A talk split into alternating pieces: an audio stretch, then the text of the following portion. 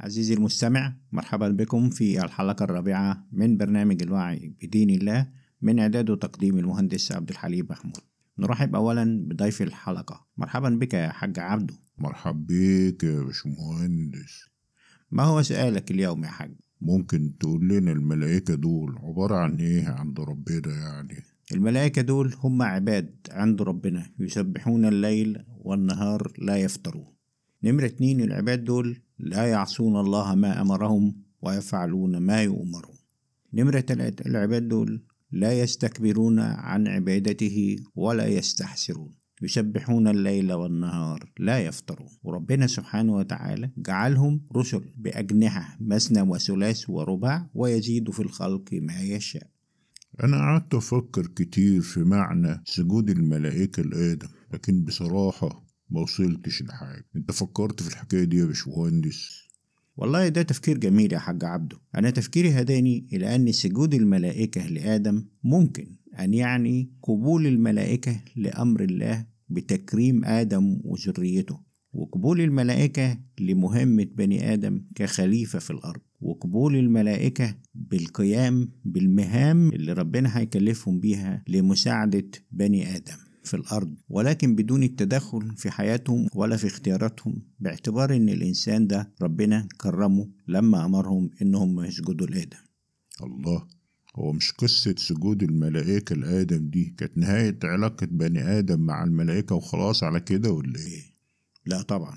السجود ده كان بداية علاقة تعارف الملائكة على البشر وتعارف البشر على الملائكة. لكن ده كان تمهيد للقيام بمهام مختلفة من الملائكة نحو بني آدم طيب إيه بقى هي المهام دي اللي هتعملها الملائكة مع بني آدم؟ شوف يا سيدي الملائكة باعتبارها رسل الله فهو سبحانه وتعالى بيكلفها بتنفيذ أقداره في حياة بني آدم. وعندي سبع أمثلة هقولهم لك خلال الحلقة دي. مثال الأولاني الحفظ. أول ما تتولد ربنا بيرسل لك ملائكة تحفظك في حياتك ولغاية ما تموت. ربنا بيقول لك إيه؟ وهو القاهر فوق عباده ويرسل عليكم حفظة. الحفظة دي هي الملائكة. لغاية إمتى؟ حتى إذا جاء أحدكم الموت توفته رسلنا وهم لا يفرطون. عشان كده تلاقي طفل يقع مثلا من الدور التالت وينزل سليم مين اللي حفظه؟ ربنا. ربنا حفظه إزاي؟ ارسل له الملائكة. يعني أنا لما واجه خطر ولا أقع من حتة أقول يا ملائكة الله احفظيني ولا إيه؟ اولا المؤمن لا يقول إلا احفظني يا رب أو نجيني يا رب. ثانيا لو أنت عايز تشرك بالله وتجعل معها أنداد قول يا ملائكة احفظيني أو يا جن احفظني أو يا رسول احفظني أو يا شيخ اعمل لي عمل يحفظني. ثانيا أنت لو دعيت الملائكة دي أو دعيت أي حد مع الله أنت عارف هيرد عليك إمتى؟ لا معروفش ومن أضل ممن يدعو من دون الله من لا يستجيب له إلى يوم القيامة وهم عن دعائهم غافلون. عرفت هيستجيب لك إمتى؟ طيب تعال نشوف المثال التاني. إيه هو؟ عندك ملكين ملازمينك 24 ساعة. إذ يتلقى المتلقيان عن اليمين وعن الشمال قعيد. ما يلفظ من قول إلا لديه رقيب عتيد. دول بيسجلوا عليك كل كلمة وكل تصرف أنت بتعمله. وبيكتبوه في دفتر أعمالك إيه اللي هتتحاسب عليه يوم القيامة. وكل إنسان ألزمناه طائره في عنقه ونخرج له يوم القيامة كتابا يلقاه منشورا. اقرأ كتابك كفى بنفسك اليوم عليك حسيبا.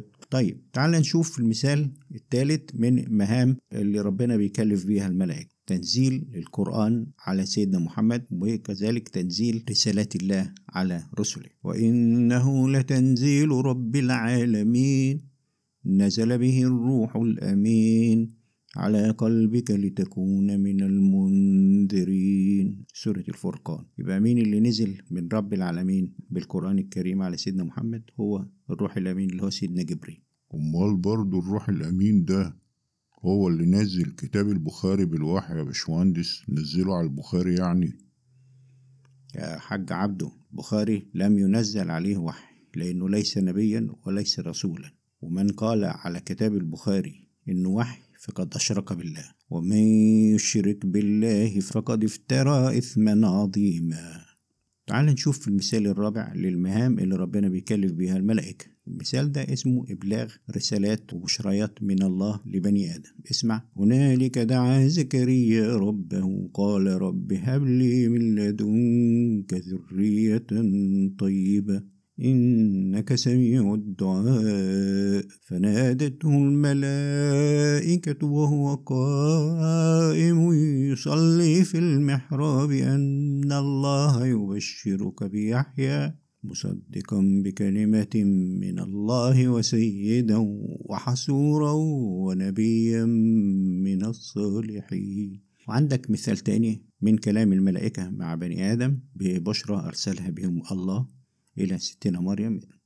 وإذ قالت الملائكة يا مريم إن الله اصطفاك وطهرك واصطفاك على نساء العالمين.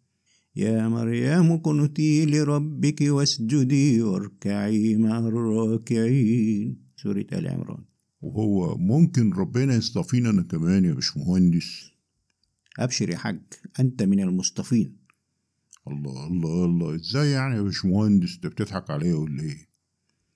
يا حاج ربنا اصطفى المسلمين بوراثة الكتاب. اسمع. ثم أورثنا الكتاب الذين اصطفينا من عبادنا فمنهم ظالم لنفسه ومنهم مقتصد ومنهم سابق بالخيرات بإذن الله. ذلك هو الفضل الكبير. دي سورة فاطر الآية 32 لكن إزاي ربنا اصطفى المسلمين لوراثة الكتاب وبعدين يطلع منهم صنف ظالم لنفسه يا باشمهندس؟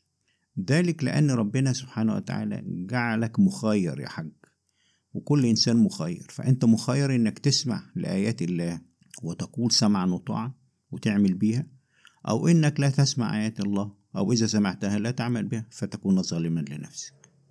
تعال نشوف بقى المثال الخامس للمهام. اللي ربنا بيكلم بيها الملائكة. المهام دي ربنا يكفينا شرها. اسمها إيه؟ إنزال عذاب الله على القرى والمدن الظالمة. نبئ عبادي أني أنا الغفور الرحيم وأن عذابي هو العذاب الأليم. ونبئهم عن ضيف إبراهيم. إذ دخلوا عليه فقالوا سلاما قال إنا منكم وجلون قالوا لا توجل إنا نبشرك بغلام عليم. شوف الملائكة دي ربنا أرسلها ببشرى لسيدنا إبراهيم إن امرأته هتخلف سيدنا إسحاق. لكن هي نفس الملائكة دي نفسها هتخرج دلوقتي من بيت سيدنا إبراهيم هتروح على بيت سيدنا لوط. ليه؟ عشان تدمر المدينة اللي هم عايشين فيها. فأخذتهم الصيحة مشرقين فجعلنا عاليها سافلها وأمطرنا عليها حجارة من سجيل. إن في ذلك لآيات للمتوسمين. يعني إيه آيات للمتوسمين يا باشمهندس؟ المتوسم هو من يتوقع نتائج من المقدمات.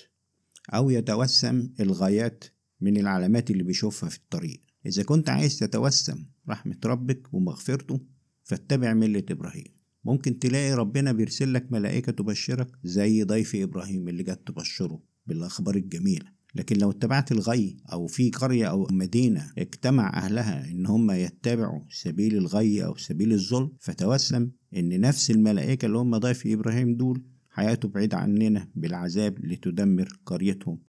تعالى دلوقتي نشوف المثال السادس للمهام اللي ربنا بيكلف بيها الملائكة. دي يمكن آخر حاجة في حياة الإنسان اللي هي الوفاة. مين اللي بيتوفاك؟ الملائكة. مش الحوادث ومش الأمراض ومش القتل.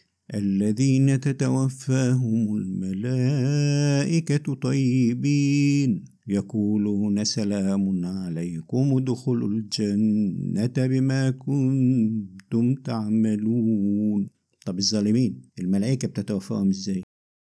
كيف إذا توفتهم الملائكة يضربون وجوههم وأدبارهم؟ ذلك بأنهم اتبعوا ما أسخط الله وكرهوا رضوانه فأحبط أعمالهم. تعال نشوف المثال السابع للمهام اللي ربنا كلم بيها الملائكة. وعلى فكرة المثال السابع ده هيفرحك أوي يا حاج. أيوه كده يا باشمهندس قول لي حاجة تفرحني الله يكرمك. من رحمة ربنا سبحانه وتعالى إنه بيكلف الملائكة إنها تستغفر للذين آمنوا وتدعي لهم. اسمع كده. الذين يحملون العرش ومن حوله يسبحون بحمد ربهم ويؤمنون به ويستغفرون للذين آمنوا. ربنا وسعت كل شيء رحمة وعلما فاغفر للذين تابوا واتبعوا سبيلا وقهم عذاب الجحيم. ربنا وأدخلهم جنات عدن التي وعدتهم ومن صلح من آبائهم وأزواجهم وذرياتهم إنك أنت العزيز الحكيم. وقهم السيئات ومن تق السيئات يومئذ فقد رحمته. وذلك هو الفوز العظيم. حد عايز حاجة أكتر من الفوز العظيم؟ توب إلى الله حاج عشان تستفيد من الدعاء اللي الملائكة بتدعوه للذين تابوا. يا رب آمنت بيك وبملائكتك وتبت إليك واتبعت سبيلك. يا رب اغفر لي وادخلني جنات عدن يا رب أنا ومن صلح من آبائي وأزواجي وذريتي. وعشان كده ربنا جعل الإيمان بالملائكة في الترتيب نمرة اتنين. بعد الإيمان به سبحانه وتعالى على طول. آمن الرسول بما أنزل إليه من ربه والمؤمنون. كل آمن. آمنوا به بقى خلي بالك من الترتيب. كل آمن بالله وملائكته وكتبه ورسله. يعني لو تؤمن بالله نمرة اتنين الملائكة نمرة تلاتة الكتب نمرة أربعة الرسل. ودي كانت نهاية حلقة اليوم وإلى اللقاء في الحلقة القادمة من برنامج الوعي بدين الله من إعداد وتقديم المهندس عبد الحليم محمود.